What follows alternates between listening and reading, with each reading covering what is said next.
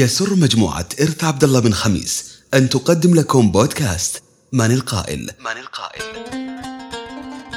وهو عبارة عن سلسلة من فرائد الشعر العربي الفصيح والشعبي. كان الشيخ رحمه الله قد قام بتقديمها في برنامجه الإذاعي المشهور والذي يحمل نفس الاسم. من القائل. من القائل. الحلقة الخامسة. السلام عليكم ورحمة الله وبركاته. وأسعد الله أوقاتكم بكل خير. ويسأل الأخوان فالح مناحي العتيبي من عروة ومحمد بن عبد الله العميري من القويعية عن قائل هذا البيت. ومن لم يمت بالسيف مات بغيره تعددت الأسباب والموت واحد. البيت لابن نباتة السعدي الذي ولد عام سبع وعشرين وثلاثمائة وعاصر سيف الدولة الحمداني. ويقول أمية بن أبي الصلت في هذا المعنى يوشك من فر من منيته في بعض غراته يوافقها من لم يمت عبطة يمت هرما للموت كأس والمرء ذائقها. ويقول المتنبي نحن بنو الموت فما بالنا نعاف ما لا بد من شربه. ويقول طرفه ابن العبد لعمرك إن الموت ما أخطأ الفتى لك الطول المرخى وثنياه في اليد.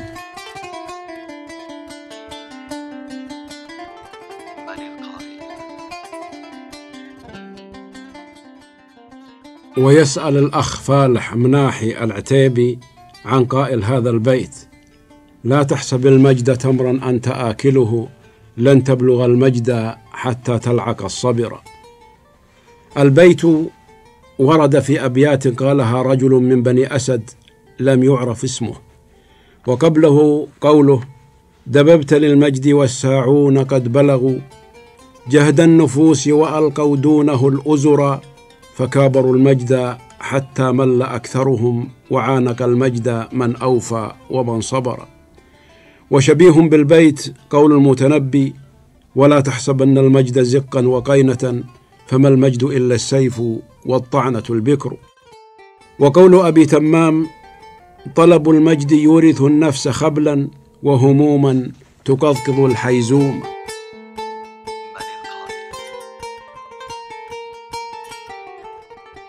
ويسأل المستمع سعود بن دخيل السليمان من رماح عن قائل هذا البيت. إذا المرء لم يطلب معاشا لنفسه شكى الفقر أو لام الصديق فأكثر. هذا البيت من قصيدة لعروة بن الورد وهو شاعر من شعراء الجاهلية وفارس من فرسانها وأحد صعاليكها والمعدودين من أجوادها. وكان يلقب بعروة الصعاليك لأنه كان يقوم بأمرهم إذا أخفقوا في غزواتهم وجاعوا.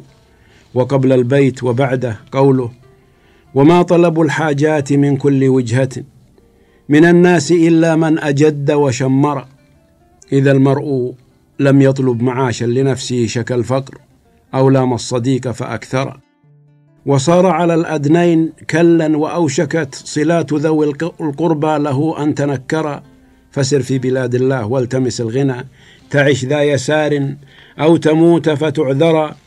ومن أقواله في السعي لكسب الرزق واجتناب ذل الفقر. قوله دعيني للغنى أسعى فإني رأيت الناس شرهم الفقير وأبعدهم وأهونهم عليهم وإن أمسى له حسب وفير.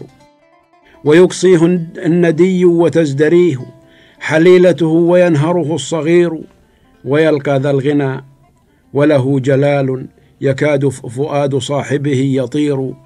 قليل ذنبه والذنب جم ولكن للغنى رب غفور. وكذلك قوله ذريني أطوف أطوف في البلاد لعن لعلني أخليك أو أغنيك عن سوء محضري. وقوله أيضا قالت تماضر إذ رأت مالي خوا. وجف الأقارب فالفؤاد قريح ما لي رأيتك في الندي منكسا. وجبا كأنك في الندي نطيح خاطر بنفسك كي تصيب غنيمة إن القعود مع العيال قبيح المال فيه مهابة وتجلة والفقر فيه مذلة وفضوح. ويقال إن عبد الله بن جعفر بن أبي طالب قال لمعلم ولده لا تروه قصيدة ابن الورد التي يقول فيها دعيني للغناء أسعى فإني رأيت الناس شرهم الفقير لأن هذا يدعوه إلى الاغتراب عن أوطانه. ولعل من المناسب هنا إرادة قولهم رأيت الناس قد ذهبوا إلى من عنده ذهبوا ومن لا عنده ذهبوا فعنه الناس قد ذهبوا. وقولهم رأيت الناس قد مالوا إلى من عنده مال ومن لا عنده مال فعنه الناس قد مالوا. وقولهم رأيت الناس منفضة إلى من عنده فضة ومن لا عنده فضة فعنه الناس منفضة. ويقول الشاعر الشعبي راشد الخلاوي في المعنى نفسه من قصيدته اللامية والمال ميال له الكون كله زليل الذي تلقى عن المال مايل.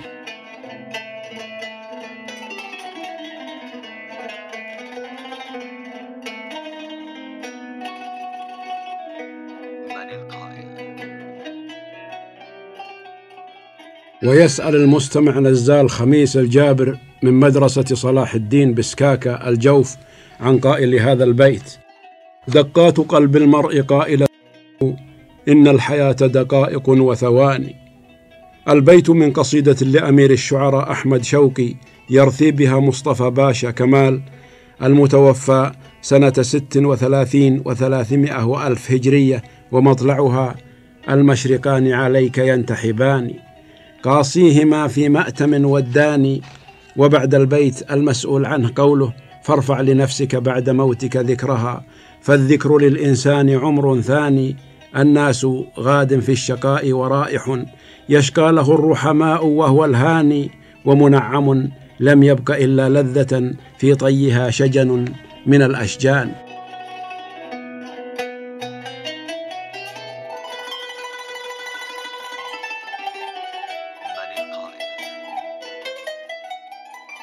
ويسأل السيد فهد العقيل الطويان من بريدة بالقصيم عن قائل هذين البيتين وهل لهما تكملة.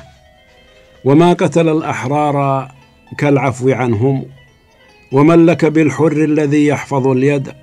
إذا أنت أكرمت الكريم ملكته وإن أنت أكرمت اللئيم تمرد. هذان البيتان من قصيدة للمتنبي أحمد بن الحسين بن الحسن بن عبد الصمد الجعفي الكوفي. ولد سنة ثلاث وثلاثمائة قدم الشام في صباه وجال في أقطاره وما زال إلى أن ادعى النبوة في بادية السماوة وتبعه خلق كثير فخرج إليه لؤلؤ أمير حمص نائب الإخشيدية فأسره وتفرق عنه أصحابه وحبسه طويلا ثم استتابه وأطلقه. ومن هنا سمي بالمتنبي ثم التحق بالأمير سيف الدولة بن حمدان سنة سبع وثلاثين وثلاثمائة ثم ذهب إلى مصر ومدح كافور الإخشيدي ولما لم يرضه كافور هجاه وفارقه. وقصد بلاد فارس ومادح عضد الدولة ابن بويه الديلمي. فلما رجع من عند عضد الدولة قاصدا بغداد عرض, عرض له فاتك ابن أبي الجهل الأسدي في عدة من أصحابه. وكان مع المتنبي أيضا جماعة من أصحابه فقاتلوهم فقتل المتنبي سنة أربع وخمسين وثلاثمائة. والبيتان من قصيدة تبلغ الأربعين بيتا قالها يمدح سيف الدولة ويهنئه بعيد الأضحى أنشده إياها بحلب وهما على فرسيهما ومطلعها لكل امرئ من دهره ما تعود. وعادات سيف الدولة الطعن في العدى وبعد البيتين المسؤول عنهما قوله ووضع الندى في موضع السيف بالعلا مضر كوضع السيف في موضع الندى. وقد ألفت كتب كثيرة حول المتنبي أذكر منها ذكرى أبي الطيب بعد ألف عام للدكتور عبد الوهاب عزام طبع سنة خمس وسبعين وثلاثمائة وألف وصفحاته خمس وأربعون وثلاثمائة. أبو الطيب المتنبي ما له وما عليه لأبي منصور عبد الملك بن محمد بن إسماعيل الثعالبي النيسابوري قام بتحقيقه محمد محي الدين عبد الحميد وصفحاته أربع وأربعون ومائة. الكشف عن مساوئ شعر المتنبي للصاحب بن عباد في 28 صفحة. وكذلك كتاب الإبانة عن سرقات المتنبي لمحمد العميدي وغير ذلك. وقد طبع ديوان المتنبي مرارا وقام كثيرون بشرحه ولم يسمع بديوان شعر في الجاهلية ولا في الإسلام شرح مثل شرح الك... مثل شروحه الكثيرة لديوان المتنبي. وقد اطلع بعض قدام الباحثين على أكثر من خمسين شرحا له من مطولات ومختصرات.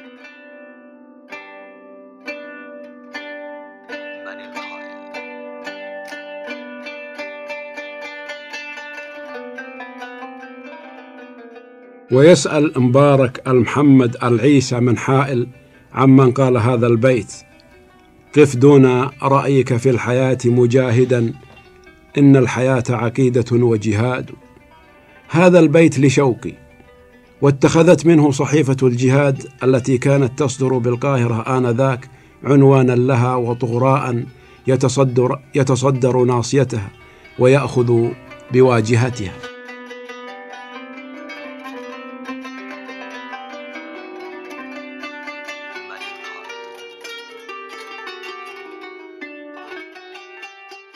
ويسأل الأخ محمد معتوق القرني الطائف باب الريع دكان علي با سبع بجوار محطة السلامة عمن قال هذا البيت نقل فؤادك حيث شئت من الهوى ما الحب إلا للحبيب الأول. هذا البيت يا أخ محمد لأبي تمام حبيب بن أوس الطائي أحد أئمة الشعر الكبار وفحوله المشهورين.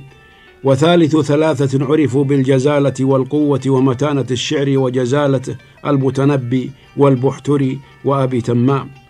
وهو من القصيدة التي يقول فيها نقل فؤادك حيث شئت من الهوى ما الحب إلا للحبيب الأول كم منزل في الأرض يألفه الفتى وحنينه أبدا لأول منزل.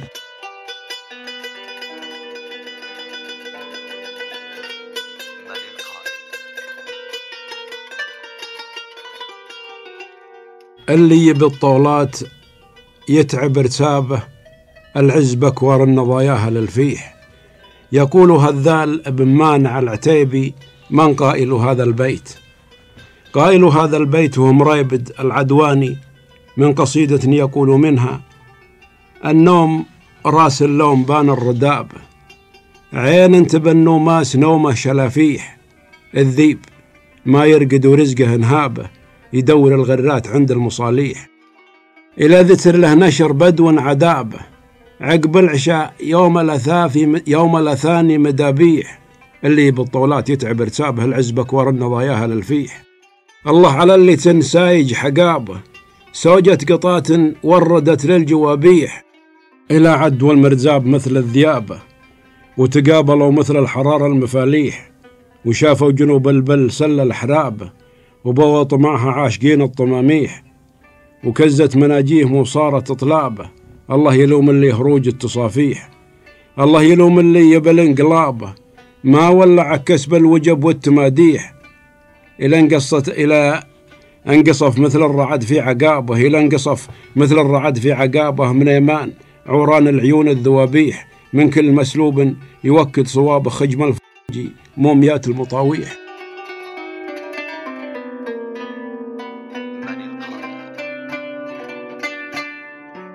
ويسأل نغيمش بن فلاح العجمي عمن قال هذا البيت يا دار وين مبيحين الحلالي أبكي على العجمان يا دار وابكيش.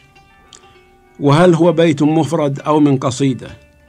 هذا البيت يا أخ نغيمش لنغيمش الشاعر العجمي وقد وقف في منازل جماعته حينما أشملوا أيام فتنة الإخوان وكان في جند الأمير عبد الله بن جلوي آنذاك. فاستلحقه حوله وقد أنشأ يقول الله لا يسقيك رج من زمالي ساعة بدا ساعة بديته أرهش القلب ترهيش. يا دار وين مبيحين الحلال؟ أبكي على العجمان يا دار وابكيش. أبكي على ربع تناوى وشمالي حومة تظللهم سنة حوم تلهيش. تقاودوا شقر لهن جتوالي صفر ذهب قطيهن النقاريش. من قرية العليا فليج الشمالي مدهال سمحين الوجيه المداغيش. أرجي هلس رجوة صدوق الخيالي ورقة سنود إلى تردت هقاويش.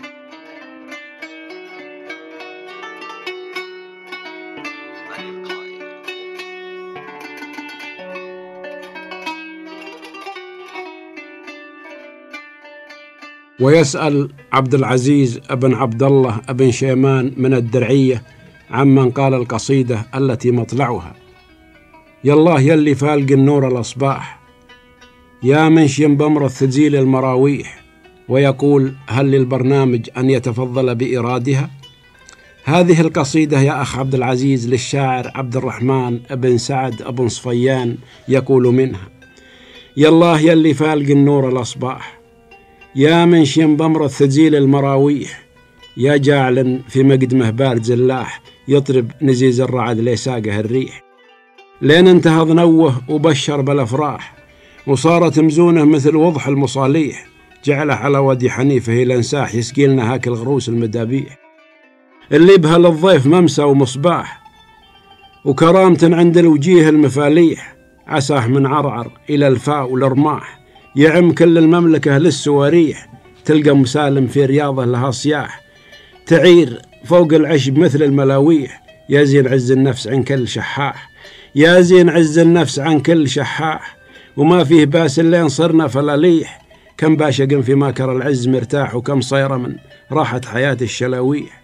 هذا زمان عاش بكل سفاح وراع ما فيه محشوم ومريح. والبو يسهر ما تهنى له مراح والحر عقب النقر. جال السواميح والدين جدد عندنا عقب منزاح. والشرك والأصنام طارت بهالريح. قاموا بهالسعود بسيوف ورماح والكل منهم صحح الدين تصحيح من دون دين الله. يبيعون الأرواح ربعا على العليا قروم مطاميح. يا حلوهم ونجت عجاريف ومزاح ومر من العلقم على العدو والشيح. ما مات من خلف عيال ولو راح يغيب نجم ويطلع عنا المصابيح. بين الحزوم وغرب رجمه بن طلفاح ضمت قرايوه كل هاك الزحازيح. وحنا هالعوجة إلى صاح صياح حامينها عن الوجيه المتاليح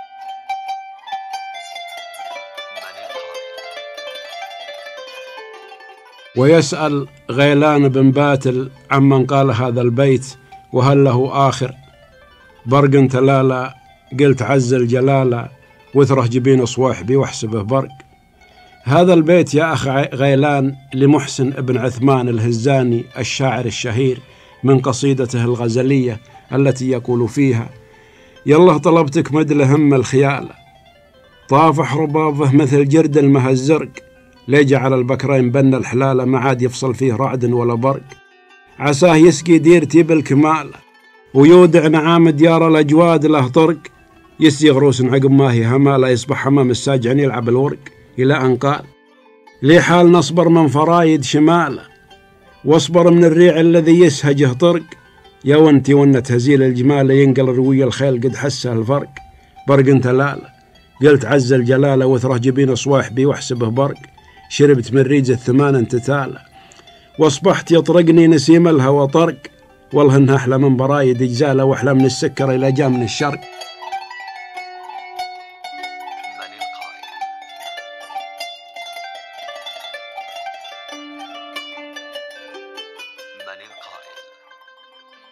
وهكذا أيها الإخوة تنتهي هذه الحلقة فإلى حلقة قادمة والسلام عليكم ورحمة الله وبركاته. إرث ابن خميس. برنامج من القائل للأديب الراحل عبد الله بن خميس رحمه الله.